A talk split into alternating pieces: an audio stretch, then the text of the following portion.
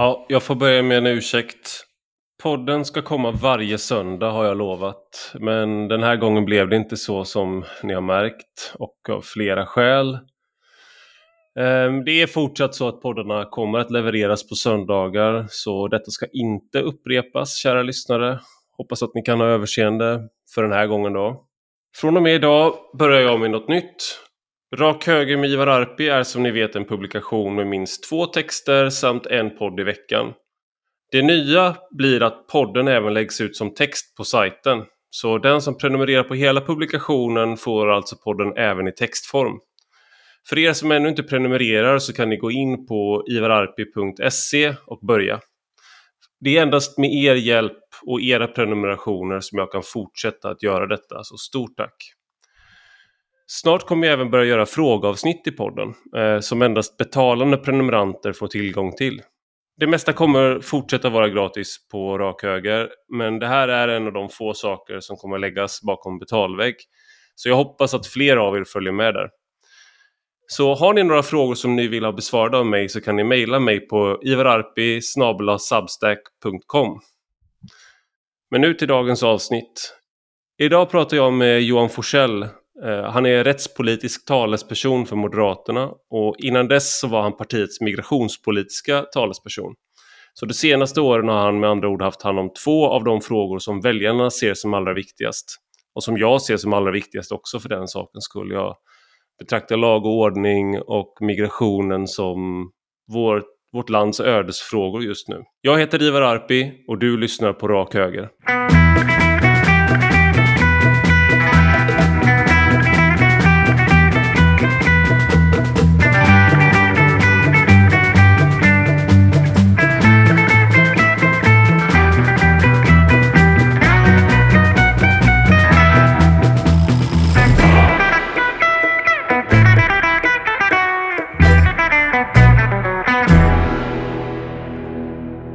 Välkommen Johan Forsell till Rak Höger.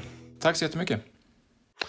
Du, eh, du är rättspolitisk talesperson för eh, Moderaterna och eh, för 10-15 år sedan kanske inte det hade varit den mest liksom ehm, den viktigaste positionen men nu skulle jag nästan säga att du har den viktigaste positionen i, i ditt parti. Det här är ju den frågan som dominerar just nu. Ja, så är det.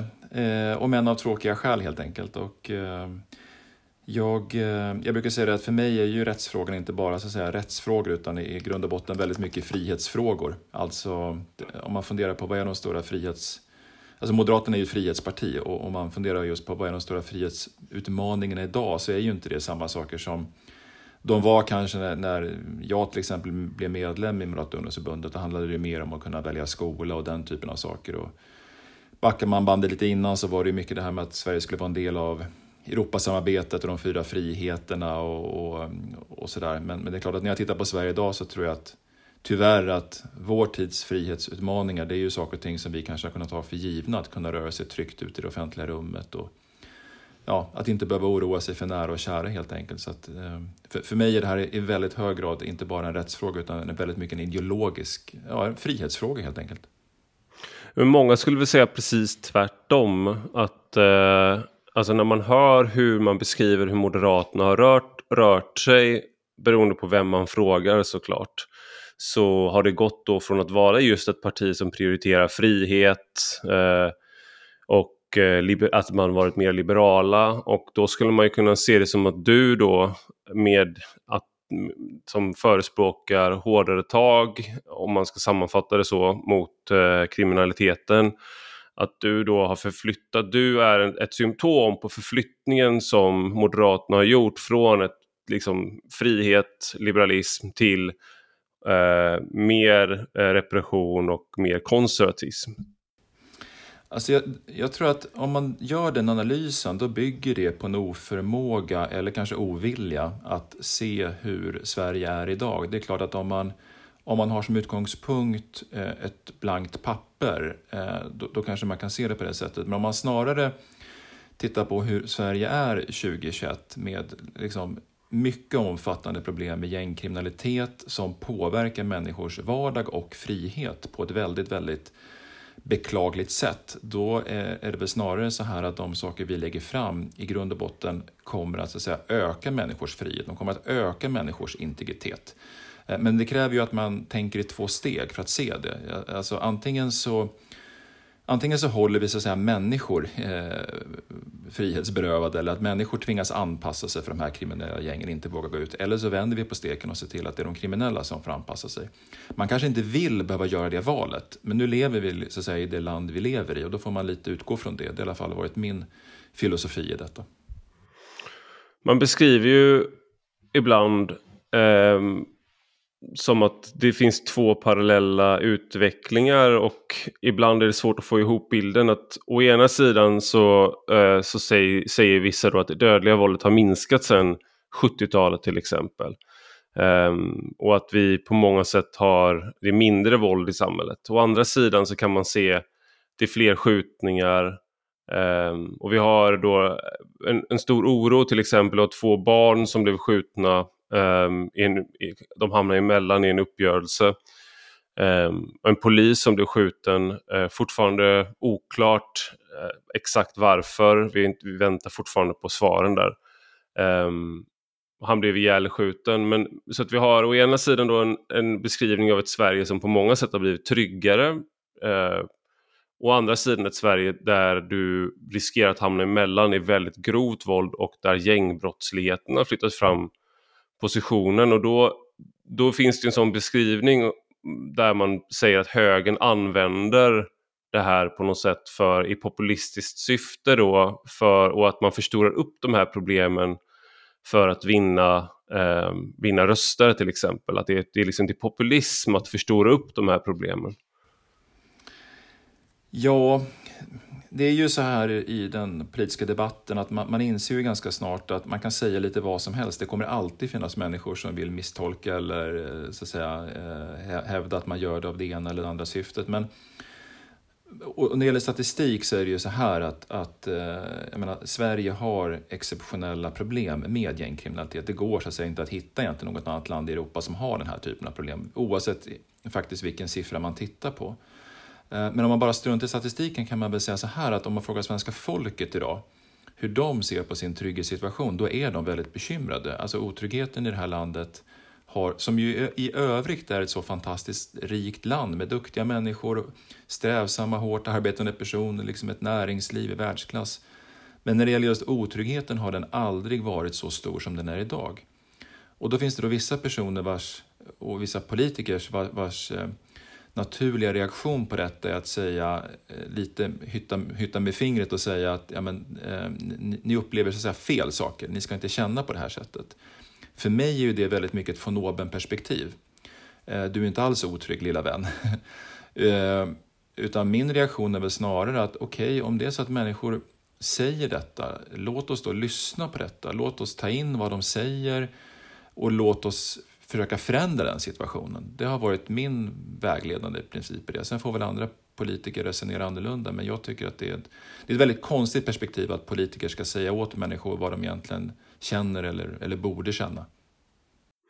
Det är, det är också ganska slående hur när man lyssnar på dig i, i riksdagens debatter och i eh, mediedebatter så är du väldigt kritisk till eh, Socialdemokraterna och regeringens eh, arbete med de här frågorna. Men om man lyssnar på Socialdemokraterna eh, när de pratar så pratar de eh, hela tiden egentligen som jag har sett i princip om samförstånd, samarbete, bred enighet och nej men sluta nu Johan, vi vet ju att vi egentligen vill samma sak här. Johan, nej men Johan, alla är ense, du, nu, nu har vi faktiskt varit konstruktiva tillsammans här och ja men då kommer du bli glad Johan nu när vi inför det här. Liksom. Så att de, de, se, de framställer det i, som att det egentligen inte finns några stora konfliktytor med Moderaterna och det är mer som att de vill gärna få det till att du bråkar i onödan. Du söker konflikt där det inte finns någon. Hur, hur ser du på, på deras så att säga retoriska, är det bara en retorisk eh, strategi de har där? Eh, Eh, eh, och, och, och, i så fall varför gör de så? Ja, det, det, är klart att vi är ju ense om en sak och det är väl alla partier och tror jag alla människor i Sverige, eh, nämligen att det här med, med våld och, och brott och kriminalitet det är någonting väldigt otrevligt och någonting vi inte ska ha. Eh, och, och det är vi ju. Så det, det, det, Eh, där finns ingen anledning att, så att säga, bråka i onödan. Jag misstror inte mina politiska motståndares intentioner. Jag tror att egentligen att alla politiker vill, vill väl. Eh, så. Men det är klart att tittar vi på vägen dit och vad som ligger bakom den här typen av kriminalitet, där, där tycker vi väldigt olika. Inte, inte alltid i alla frågor, men i grund och botten så finns det ju liksom helt olika perspektiv i detta där Socialdemokraterna och Miljöpartiet med stöd av Vänsterpartiet har en annan syn på detta. Så väldigt mycket är ju en syn att, att individen själv inte har så mycket ansvar. Det är sociala orättvisor som förklarar den här typen av uppkomst. Jag såg att det var någon S-politiker häromdagen som eh, var intervjuad och beskrev ju hur det var den här eh, Ja, man var uttråkad, så att säga. det var det narrativ som beskrev varför unga killar då begår den här typen av brott.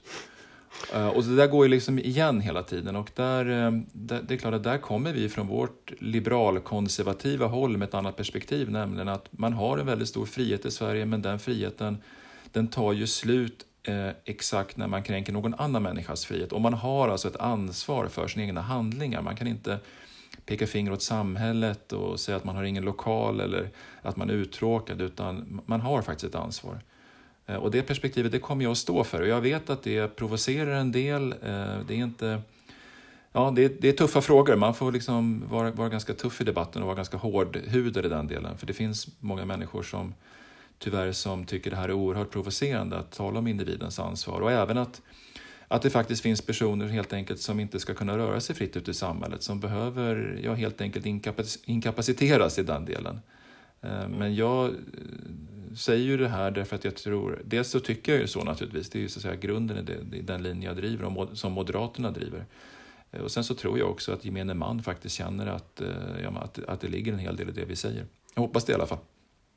Ja, jag tror eh, en, någonting som jag, som jag tror, det här är min, eh, som slår mig, det är att du går emot och det här sättet att resonera som du har nu, det går emot någon slags grundplatta av värderingar som vi i Sverige har haft under lång tid. Det vill säga, det handlar inte bara om sittande regeringen nu, utan jag skulle säga att det är ganska spritt överlag och det är att du försöker, jag kommer ihåg eh, dåvarande rikspolischefen Dan Eliasson satt i, i en intervju, det här ökända numera citatet där han spekulerade liksom om den här, um, det var en kille som hade eh, dödat en, eh, en kvinna på ett HVB-hem om jag inte minns fel. Och då så sa han så här, vad har den killen varit med om, vad har han sett liksom? Och å ena sidan om man ska vara så välvillig som möjligt så tänker han ju på att det här är en traumatiserad människa som har tappat koncepterna och som är liksom skadad på något sätt. Och det kan stämma. Eh, å andra sidan så är det hans första impuls där att börja prata då om att det är synd om den här människan som har gjort det här. Och det, det, när du pratar om de här frågorna så får jag en känsla av just att du bryter mot den här, eh, den här osynligt kontrakt vi har i Sverige att vi ska prata om det, vi ska lägga huvudet på sned.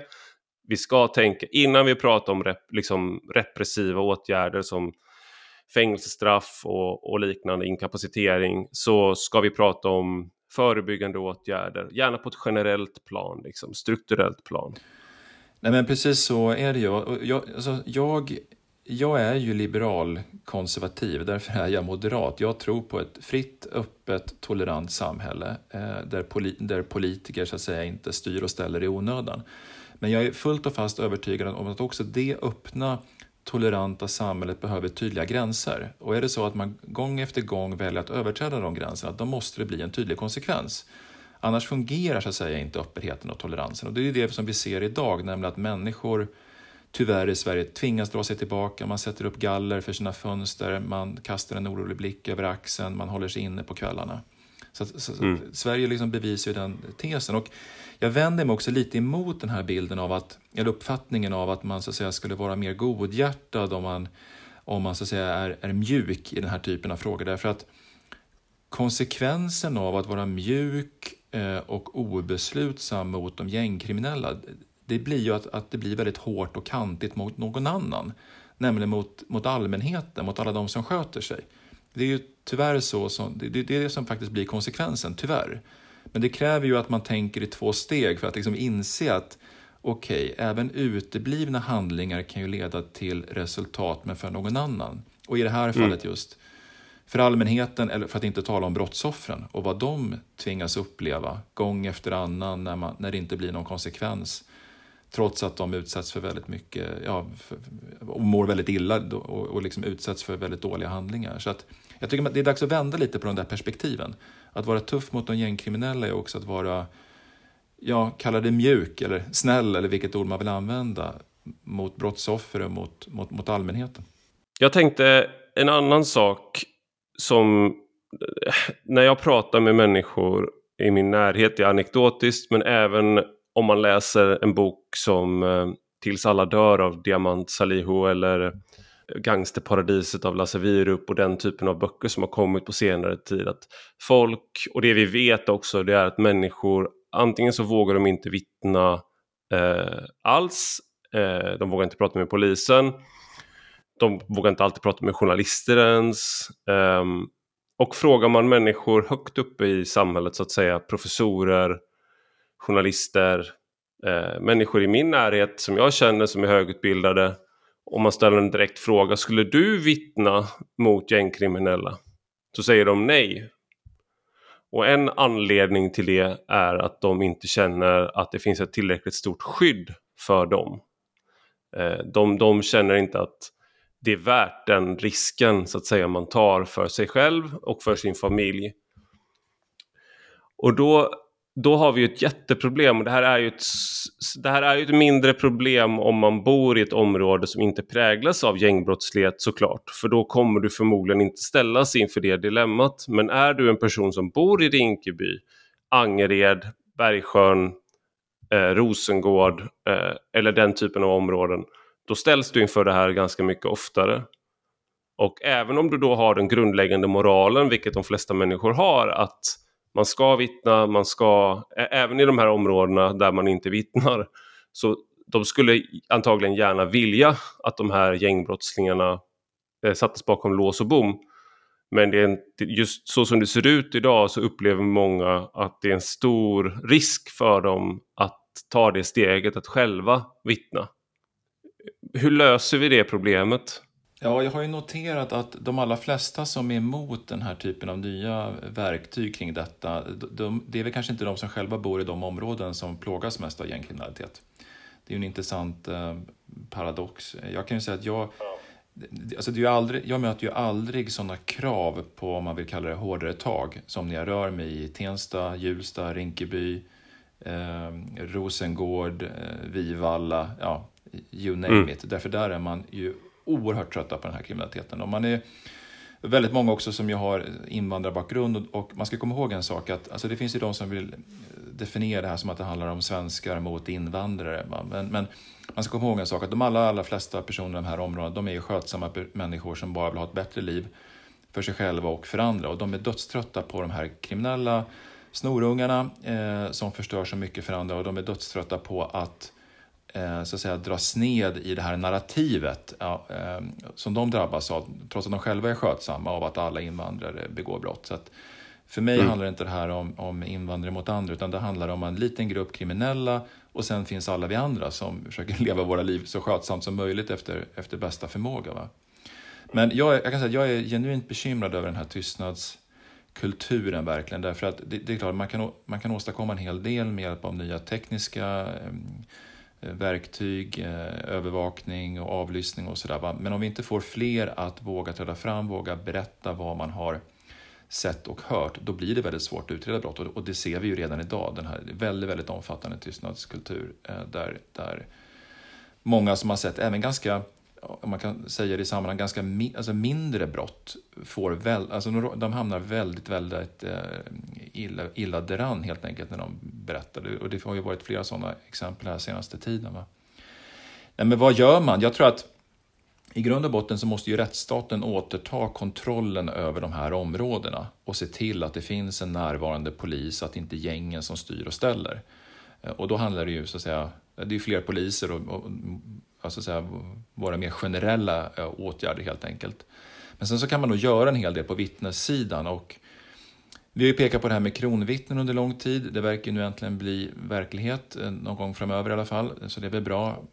Och det innebär alltså att man, om du är en del av en eh, kriminellt nätverk så kan du, om du så att säga vittnar mot dina, eh, dina kompanjoner så kan du få ett sänkt straff i utbyte mot att man då får, kan fälla fler. Exakt. På ett väldigt förenklat. Mm. Eh, vi har också pekat på det här med anonyma vittnen som ju är eh, omdiskuterat då och det vet jag, jag vill säga det att det är ingenting, vi tar inte lätt på de invändningarna utan vi, vi prövar det här väldigt noggrant, eh, så att säga, eh, vad som ligger i de olika vågskålarna. Och det innebär ju då att man under vissa förutsättningar ska kunna skapa en möjlighet att vittna anonymt. Och det vi har ju då sagt att ett åtal ska inte kunna baseras enbart på, på anonyma vittnesmål utan det kan vara så att säga, en stödbevisning och det ska användas eh, sparsamt. Vi, alltså vi talar om de allra mest allvarliga fallen här helt enkelt. Mm. Eh, sen kan man väl konstatera också att alltså jag, jag tycker det har varit en ganska, eh, ganska höga, höga ord helt enkelt i, i debatten om man kan säga så. Men man kan konstatera att Eh, det här finns ju redan både i Norge, i Danmark och i Finland. Eh, och jag menar de länderna, det är våra nordiska grannländer, de är också rättsstater.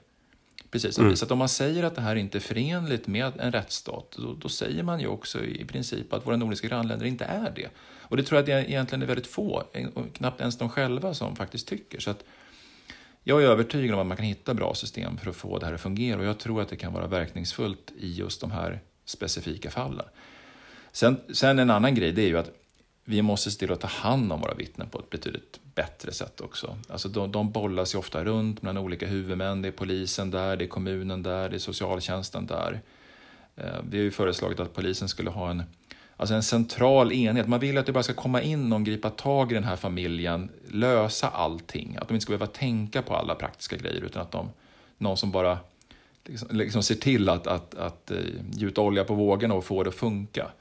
Och, och då tror jag då borde det finnas ett centralt vittnesstödsprogram som tar hand om allt. För de, de här familjerna de lever ju under en såna, fruktansvärd press redan som det är naturligtvis. Va? Så det finns mycket att göra även där för att, den som, ja, för att de människor ska göra det som vi vill att man ska göra, nämligen liksom berätta vad man har sett. Det är ju det som är det underliga här på något sätt, det är att vi har vi, vi, är så beroende av vittnen i, i rättsprocessen men det är en så stor uppoffring för vittnen. Riskerar att vara det. Man måste lägga om livet, ibland måste man byta stad, man måste flytta. Man kan behöva liksom förändra sitt liv på väldigt många sätt. Eh, och det är, det, det är eh, ofta en mycket större så att säga, frihetsinskränkning för vittnet till de här eh, brotten än för den som har begått brotten.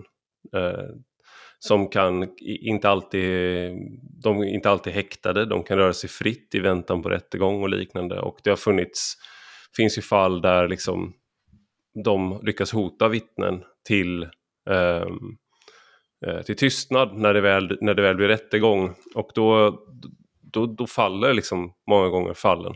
Mm. Nej, men det är ju så, det är precis så, inte minst i de här områdena. Och som sagt, det handlar inte bara om personer som har sett väldigt allvarliga brott, utan eh, det var ett uppmärksammat fall här, ju fallet Nimo. men det var ju en kille, han eh, såg ju en mopedstöld. Eh, och det var ju ändå dödshot där och familjen har ju berättat om det.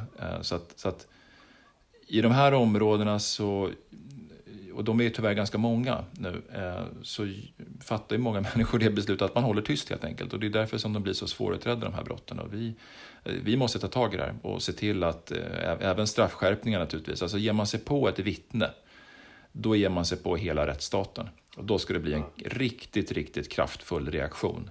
Eh, inget daltande, inget om, inget men, utan det är något man inte gör. Och väljer man att ändå göra det, eh, där måste rättsstaten visa sin hårda järnnäve och, och slå ner den i, i bordsskivan med all kraft och tydlighet.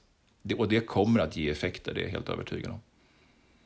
Och rent konkret, har du, har du något förslag på liksom vad man kan, har ni från Moderaternas sida något förslag på vad man kan eh, göra då? Alltså det ska vara en straffskärpning i förhållande till brottet eller hur, hur ser det ut? Ja, vi, kommer, vi är inte klara med den här frågan. Vi kommer att presentera ytterligare delar i den. Men, men det är så att ger man sig på ett vittne, eh, och det är ju någonting som lagstiftaren redan idag ju eh, ser särskilt allvarligt på, även om konsekvenserna ofta inte alls blir så tuffa som, som man önskar att de skulle bli. Va? Då handlar det om att man ska få en riktigt ordentlig, riktigt ordentligt straff helt enkelt. Det är inte konstigare än så. Då har man ingenting ute i samhället att, eh, att göra på, på lång tid. Men en, en, annan sak, det kom en utredning från polisen där man beskrev just den här typen av brottslighet som systemhotande.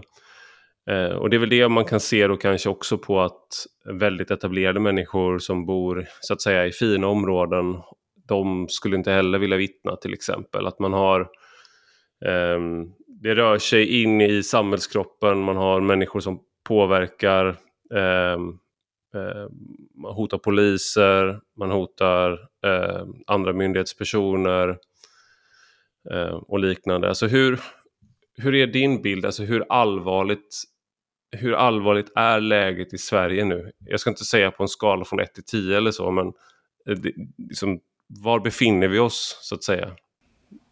Jag har haft många debatter om det här och diskussioner och jag får ju ofta höra det här när man försöker beskriva att, för jag, för jag tycker situationen är väldigt allvarlig. Jag får ofta höra då att ja, men, det finns ju ändå andra länder där det är värre och sen så kommer något exempel, det är något från Italien eller i Latinamerika att det är fler skjutningar eller i Baltimore i USA och sådär. Och det är klart, visst, om det är det som är utgångspunkten, om det är det som är jämförelsen så finns det väl alltid någon annanstans där det, där det är värre.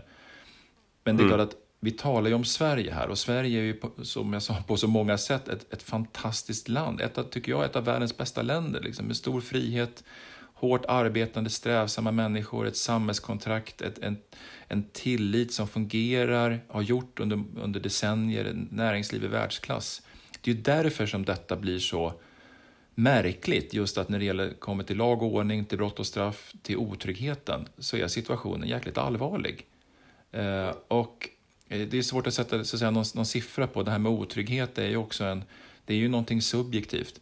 Men man kan ju, man kan ju fundera kring, om man tittar nu till exempel på det dödliga våldet och dödsskjutningar så låg ju Sverige i Europatoppen de senaste 20 åren. Då får man ju jämföra sig, det var väl något, i, något land där nere på Balkan som möjligen eh, hade tätpositionen något år. Va? Men alltså, det är ju där, det är den typen av jämförelser man får göra för att hitta någon form av relevans. Eh, att, att jämföra med de övriga nordiska grannländerna eller Tyskland, det, det går ju inte, som vi i övrigt brukar jämföra oss med. Så att, ja, situationen är allvarlig och det är också så här att det är ju ingen naturlag att det ska se ut på det här sättet, men det är inte heller någon naturlag att det ska stanna här. Utan jag tycker också att de internationella jämförelserna visar ju att när den här typen av kriminalitet får ett ordentligt fotfäste, då är det ofta väldigt svårt att hantera den. Och det är därför jag menar att mm. det är så att säga nu och några år framåt i tiden vi kan göra detta. Annars så kommer det bli betydligt mycket tuffare.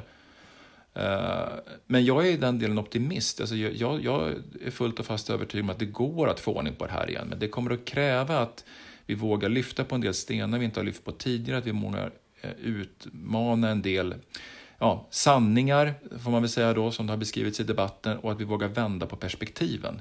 Och jag, det handlar liksom, för mig handlar det inte så mycket om att göra vad vi alltid har gjort och sen lägga på 10 procent. Utan jag tror snarare att man behöver perspektivet, låt oss börja med ett blankt papper och fundera på vad är det som krävs för att hantera det här och för att lösa problemen. Där vill jag att Moderaterna ska vara.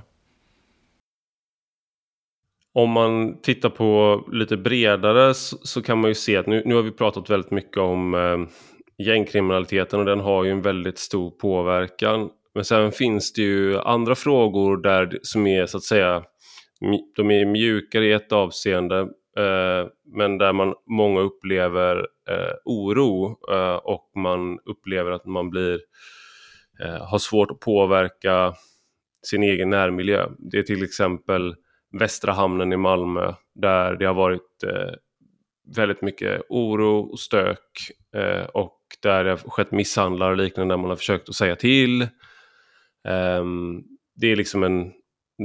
Du har, då, har, då har du några på vänsterkanten som försöker beskriva det som att rika, eh, rika vita svenskar försöker att begränsa liksom, livsutrymmet för eh, eh, rasifierade till exempel, som inte har samma, lika mycket pengar. Eh, och de som bo, boende där är, är mer blandade än vad de låter påskina och det handlar om någonting annat. Samma sak med då Strandvägen har varit uppe på tapeten mycket, där det, du har eh, du har haft eh, street racing, du har haft väldigt mycket oro och liksom ordningsproblem.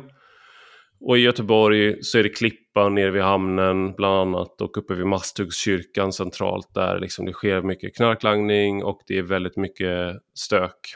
Och det är svårt för de boende att gå ner, du ska gå ner själv klockan 12 en natt liksom och säga till att du jag måste upp till jobb, hör ni killar, jag ska upp till jobbet imorgon.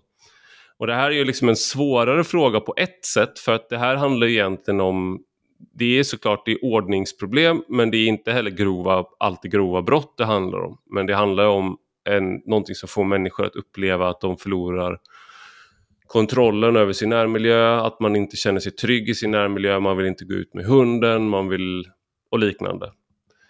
Um, så det där är ju något som sker parallellt med den här uh, allvarligare brottsligheten um, som är såklart riskerar att vara systempåverkande på ett sätt som det där inte är. Jag vet inte om du har någon reflektion kring de här debatterna eh, om vad man kan, kan man göra någonting från liksom rättsstatens sida för att komma åt det här eller är det mer någonting där man får så här okej, okay, det var synd att det blev så här. Ja, men mitt svar där är väl samma svar som jag har när, när de här gängen beter sig illa på andra platser runt om i, i, i Sverige. Att, så att säga, alltså, eh, gatorna finns till för alla, inte de som tar sig rätten att vara där och trycka undan alla andra. Eh, alltså, eh, alltså, ibland så låter det nästan i den svenska debatten som att det är en mänsklig rättighet att få bete sig illa. Och när någon säger åt en, då är man kränkt. Va? Men, men det är ju så här som jag sa, att ett, det fria, öppna, toleranta samhälle som jag vill ha, det bygger på premissen att min frihet slutar när jag kränker någon annan människas frihet. Och det är, det, det är den, den insikten som måste återupprättas i Sverige, liksom att man har ett eget ansvar för sina handlingar. De här, det, är väl, det här vi har sett, det är väl också möjligen ett, ett bevis på det här att eh, den här diskussionen om att Sverige är i grund och botten väldigt tryggt och sen finns det problem i några områden runt om i Sverige. Det ser inte riktigt ut så numera utan eh, den här typen av problem finns ju faktiskt runt om i Sverige. I stora städer, i mindre Sverige, på landsbygden, i glesbygden, i mellanstora städer, inne i stadskärnorna, lite utanför. Så att, ja, det här är ett nytt normalläge som vi ser helt enkelt. Och, och eh, frågan är väl om vi lyckas dra några slutsatser av det eller om det bara kommer att fortsätta i tangentens riktning. Mm. Jag jobbar ju mest med tangenter så att för mig fortsätter det i tangentens riktning. Men eh, jag hoppas att du kan göra någonting. Men eh, en annan sak som jag, jag man har också eh, hört ganska mycket den senaste tiden en, en, eh, som ger uttryck för en attityd eh, som jag har svårt att bedöma hur vanlig den är men jag hör den ganska ofta och man ser den på Twitter ganska ofta och sådär på Facebook och så. Det är att nu då med de här stora eh, när man har hackat de här stora krypteringstjänsterna som Encrochat och Anom och sådär. Eh, och man får undan ledargarnityret i eh, till exempel Vårbynätverket eh, och sådär. Man kommer åt människor som man aldrig annars hade kommit åt. Så ser man ändå inte att eh, skjut, skjutningarna minskar. Det står liksom unga människor redo att ta över, eh, eller yngre människor redo att ta över. Och då att man på något sätt, ja, vi löser ju ingenting genom det här. Och då att om, även om vi låser in så att säga ledaren för Vårbynätverket fick eh, 17 år, 17 år i fängelse tror jag. Eh, även om han är borta i 17 år, det löser ju ingenting. Hårda straff löser ju ingenting för det är någon annan som tar över bara. Eh, jag vet inte vad man ska kalla den attityden men det är ju någon slags så här, uppgivenhet då eller att man tycker att eh, det här snacket om då eh, att, eh, eller det här, att, att vi vill ha hårda straff för grovt kriminella. Det löser ju ingenting om det bara kommer nya hela tiden. Nej, det där är ju, liksom, som du säger, det är ett exempel på den uppgivenhet som finns eh, i, i, debatten. Och jag tror att alltså, när man jobbar med rättsfrågor, man måste vara lite cool och man kan inte stirra sig blind på vad som händer vecka från vecka, utan man får titta på de lite längre linjerna här helt enkelt. Därför så, ett exempel på det, det var ju här i våras när skjutningarna lyckligtvis gick ner lite granna. Eh, och det är ju märkligt, då var ju regeringen oerhört pigg på att direkt kalla till presskonferens och säga titta, nu har den sjunkit med 30-40 procent här. Mm. Och sen nu när majsiffrorna kom och skjutningarna var fler än året innan, då, då såg jag ingen motsvarande presskonferens. Det, det är konstigt det där. Men, men det, det, kan ju variera beroende på en mängd olika faktorer. Om det är varmt eller kallt ute, vad som händer i de här gängen och, och sådär. Jag tror ju att det som har hänt kopplat till Encrochat, Anom, alltså det är positivt. Det är bra att få bort de här därför att eh, till skillnad från tidigare så innebär ju det här att, man, att det finns en reell möjlighet nu att slå till mot gängens ledare. Det kommer att ge effekt. Eh, därmed inte sagt att eh, problemen så att säga är lösta. Det beror också på naturligtvis om man förmår att verkligen lagföra dem och hur lång tid det dröjer innan de är ute på gatorna igen. Eh, och där kan man dra paralleller till andra sådana här rättegångar tidigare. Men, men att det här är någonting positivt, eh, det, tyck, det är för mig eh, helt självklart. Sen är väl frågan just, så att säga, blir det, är det här en tillfällig positiv effekt eller är det eh, den långsiktiga vändning vi vill att det ska bli? Man kan ju notera att den här informationen den har ju getts till oss av andra länder. Det här är ju inte möjligt att göra i Sverige. Och det är det som jag tycker är så är så märkligt att Sverige är det land i Europa då som förmodligen har störst problem med gängkriminalitet men ändå så har vi den svagaste lagstiftningen på det här området. Och i realiteten är vi beroende av vad andra länder delar med sig till, till oss för att kunna lagföra de här personerna. För mig är det självklart att vi borde ha den här kompetensen och den här lagstiftningen själva som möjliggör mm. detta. Och det, det är ju det vi har sagt också, det som kallas för proaktiv avlyssning. Då. Sen innebär det naturligtvis inte att man ska kasta alla rättssäkerhetsgarantier över bord, tvärtom, utan vi har ju ett upplägg där vi tycker att vi har tagit höjd för det och det ska ske på ett rättssäkert sätt och beslut av domstol etc. Men, men, men för att svara på din fråga, det här är någonting positivt eh, för möjligheten att få folk lagförda och vi behöver skaffa oss den här kompetensen och lagstiftningen själva. Jag är helt övertygad om det. Man kan ju också tänka då att om Eh, även om det så att säga man får en... Eh, när, när nya krafter försöker etablera sig så kanske det sker liksom en våldstopp så att du får en effekt som ser ut som att det blir värre och på vissa sätt så blir det värre. Å andra sidan om du låter de här som till exempel Vårbynätverket som var eh, och är fortfarande väldigt hierarkiskt uppbyggt och otroligt eh, verkar vara ganska kompetenta om man kan använda ett sånt ord i det här sammanhanget om du låter dem bita sig fast den typen av nätverk då får du mer av en maffia och då kan det bli färre skjutningar på gatan när en maffia lyckas etablera sig och, och, och bli, dominera hela områden för man dominerar en marknad. Å andra sidan så blir samhällspåverkan eh, djupare in i samhällskroppen mycket, mycket större när du har den typen av grupperingar med mer makt.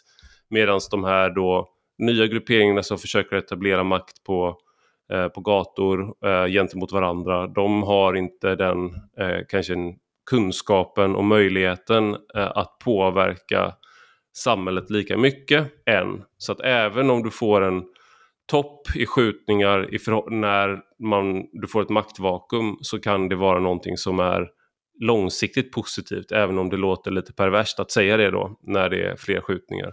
Ja, nej men precis. Och det är väl därför jag säger att man ska vara lite försiktig med hur man tolkar det här. Och man, man, för mig, eh, skjutningen är ett ganska trubbigt exempel eller indikator på så att säga, tillståndet i landet. Ehm, sen finns det ju en del som säger så att ja, eh, går skjutningarna ner, eh, då visar det att vi är på rätt väg. Går skjutningarna upp, då är vi också på rätt väg. Va? Det blir ju inte heller riktigt intellektuellt hederligt, Nej. utan man får nog pussla ihop olika faktorer. Men, men man, man, man kan säga en sak om skjutningarna, det är att de påverkar ju ändå så att säga, otryggheten i samhället. Det, det är klart att eh, det är väldigt otrevligt att det skjuts ute på gatorna, att folk springer runt med militära vapen. Och eh, det har ju också funnits personer som ju hävdar att det där eh, så att säga, påverkar inte gemene man så mycket, eller att det, man behöver inte vara rädd för att drabbas. Eh, men det har vi väl nu gång efter, gång efter annan kunnat konstatera att så är det inte. Utan när de här eh, personerna tar fram sina AK47 och sprayar Eh, 30 kulor, då, då viner kulan åt alla håll. Eh, och de är ju kanske inga, de är inga precisa skyttar i den delen, utan, utan de här kulorna åker just åt alla håll. Så att det, det är jäkligt otrevligt att det finns så mycket vapen i omlopp, i händerna på personer som har ett, alltså ett fruktansvärt våldskapital och som är helt likgiltiga inför om människor drabbas och vem som drabbas. Jag tänker också om man ska vara lite kritisk mot, eh, mot er i Moderaterna och mot Alliansen. Jag vet att andra har varit det tidigare. Jag är inte först med den här kritiken men jag vill ändå ge dig eh, chansen att svara på det. Det var ju de här eh, den, dan, den danska bandypacken som lades fram eh, 2009, den första. Ehm, då hade jag precis flyttat från Danmark. När jag flyttade till Danmark, eh, till Odense, så jag, jag tror det var samma vecka jag flyttade dit, så sprängdes en Hells Angels-lokal då i det här gängkriget som man utkämpades mellan det man kallar i Danmark då eh, rockare som är då mc-gängen och eh, invandrar, invandrargäng. Det, det, är den uppdelningen man har i Danmark. Eh, som pågick under 00-talet. Eh, men då la de fram det första bandypacken, sen så har de lagt fram två till efter det. Och då satt ju alliansregeringen vid makten och man hade också majoritet i riksdagen. Man behövde inte ta hjälp av något annat parti. Och ändå så har det dröjt så här länge så att säga. Eh, skulle jag säga ändå att tills man verkligen förstod att det här är så viktig fråga. Eh, hur kommer det sig att vi inte, varför fattar inte vi det här då så att säga, eller ni ska jag väl säga. Eh, redan då, 20, om då, varför fattar man det i Danmark 2009 däromkring? Eh, och, och la fram bra förslag liksom. Och varför gjorde inte vi det i Sverige? Ja, men det, det är ju som du säger, det har ju varit flera sådana här paket i Danmark. Det var, första var väl där 2008-2009 och sen har det varit flera som har följt därefter. Och vi bjöd ju hit eh, Danmarks för justitieminister från konservativa eh, för att just ja, lära oss om detta och höra hur man, hur man arbetar i Danmark. Därför att, och jag, det har väl inte undgått någon, vi, vi talar mycket om Danmark och det är ju inte för att eh, Danmark på alla sätt är ett bättre land än Sverige, men det är ju vår historiska arvsfiende vad man ska säga. Men, men de är ju de är intressanta i den delen att i, Danmark för 15 år sedan hade man tuffa problem med gängkriminalitet eh, och där bestämde man sig för att göra någonting åt det här. Inte bara göra det som låter bra, det som ger flest pressklipp, utan det som verkligen gör det svårt att, att, att vara gängkriminell i Danmark. Och det har fungerat. Därför att medan antalet gängkriminella personer i Danmark har minskat kraftigt de här åren. Det, de, det är klart det finns kriminalitet i Danmark, självklart. Men, men polisen säger själva att, att antalet gäng eller personer med gängkoppling har minskat så har det ju exploderat i Sverige. Det är ju den jämförelsen som är intressant. Varför gjorde man inte mer tidigare? Ja, men, eh, så är det väl lite oavsett samhällsproblem, att man borde alltid ha gjort mer tidigare. För när de väl uppstår så, så har de ju uppstått. Jag vet inte om jag är rätt person att... Det är det som är så, här, det är så härligt att vara journalist här. Eller sitta vid sidlinjen. För då har man ju alltid den moraliska övertaget. Varför gjorde inte ni mer? Nej, men jag tror att... Jag vet inte om heller om jag är rätt eh, riktig person att svara för de olika avvägningar som gjordes. Jag fick ju den här portföljen då i början på 2019.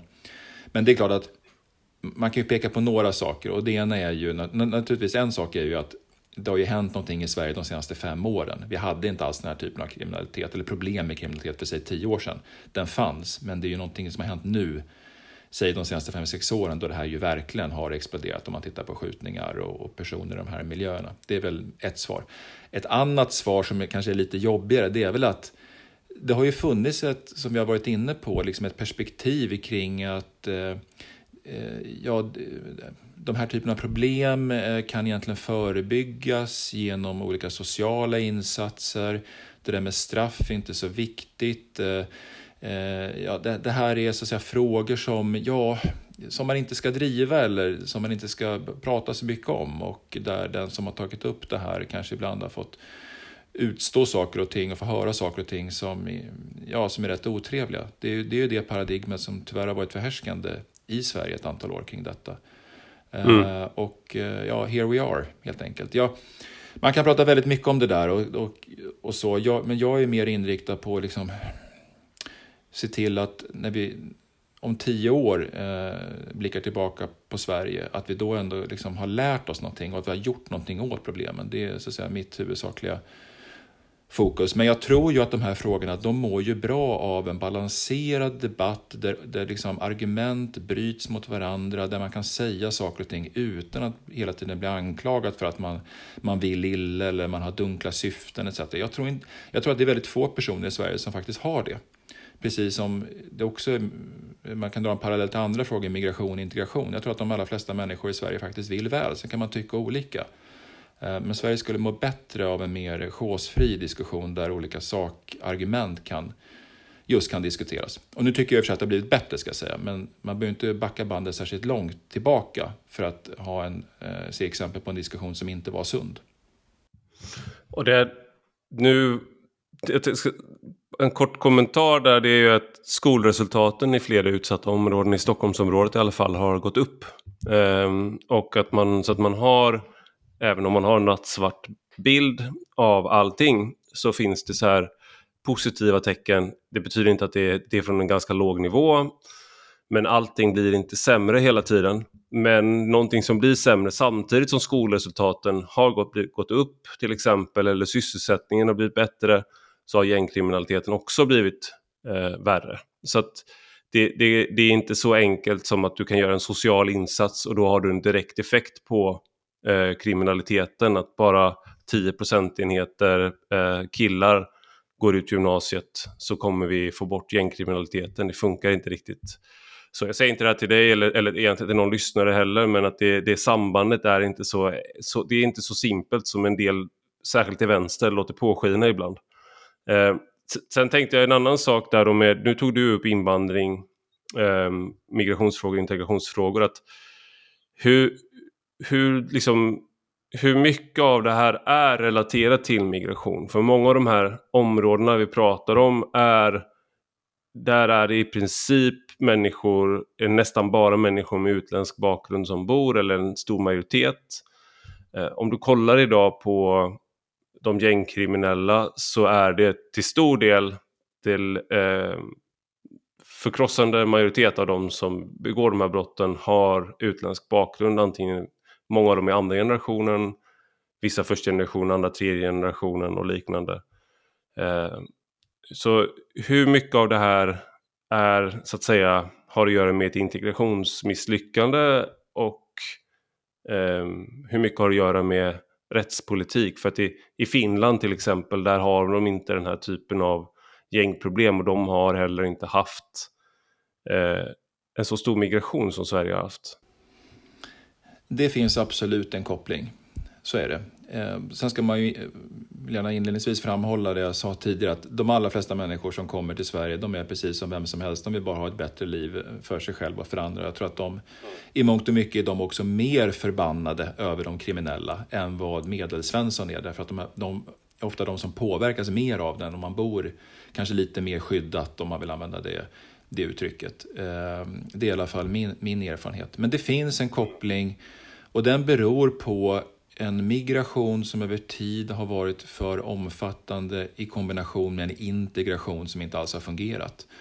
Och även om man alltid har ett eget ansvar, man kan inte skylla på att man är uttråkad för att man väljer att begå brott, så är det ju självklart så att i den typen av utanförskap, segregation som ju blir följden när, när migrationen och integrationen inte fungerar, där blir tyvärr en del killar då framförallt ganska lätta offer för de här gängledarna eh, att bli rekryterade till. Och det handlar inte om att man börjar begå liksom småbrott utan tyvärr är det ofta så att man begår väldigt tunga brott väldigt tidigt, alltså långt ner i åldrarna. Man blir ju utnyttjade då på grund av de här straffrabatterna och att inte, ja, den här tandlösa ungdomsvården. Det är ju de här det är ju ofta killarna som är 16, 17, 18, 19 år som är de som håller i vapnen. Det är, det är ju så mm. det ser ut på det här, på det här sättet. Så att, jag tror att ska vi få ordning på det här, då handlar det nu i den ganska akuta situation vi har om att först och främst skärpa rättspolitiken. Men sen är det naturligtvis så att det behövs i Sverige en långsiktig, alltså över tid, mycket stram migrationspolitik för att kunna klara integrationen av de som har kommit till Sverige och en omläggning av just integrationspolitiken, alltså bort ifrån de här alla de här projekten som många politiker älskar, tidsbegränsade insatser, någon miljon hit, någon projektplan dit och mer in i de här grundslagen.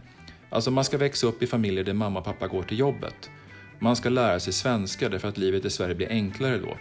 Eh, en, en, skola som fokuserar på kunskap, alltså eh, skolan är ju, det om något är ju verkligen en murbräcka mot segregation.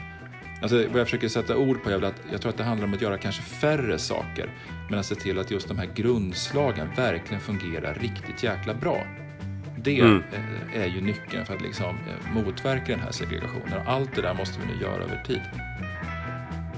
Stort tack Johan Forsell för att du var med i Rak Höger. Tack så jättemycket för att du fick vara med. Och stort tack till dig som har lyssnat. Har du några synpunkter eller frågor kan du alltid mejla mig på ivararpi gå gärna in och skriv en recension och sätt ett betyg på Apple Podcast så jag vet vad ni tycker. Tack och hej!